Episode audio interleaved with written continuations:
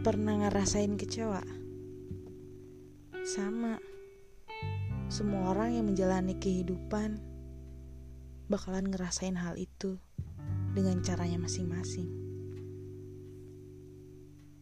Tapi di balik kecewa dan segala kesakitan yang pernah dialami,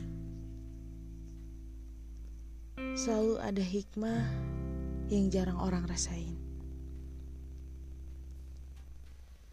Mereka terlalu fokus dengan kesakitan yang mereka rasakan. Tanpa disadari, dengan jatuh, kita belajar arti kehidupan yang sesungguhnya. Dengan jatuh juga, kita jadi tahu arti kesalahan. Dan di saat jatuh, kita jadi seorang yang kuat.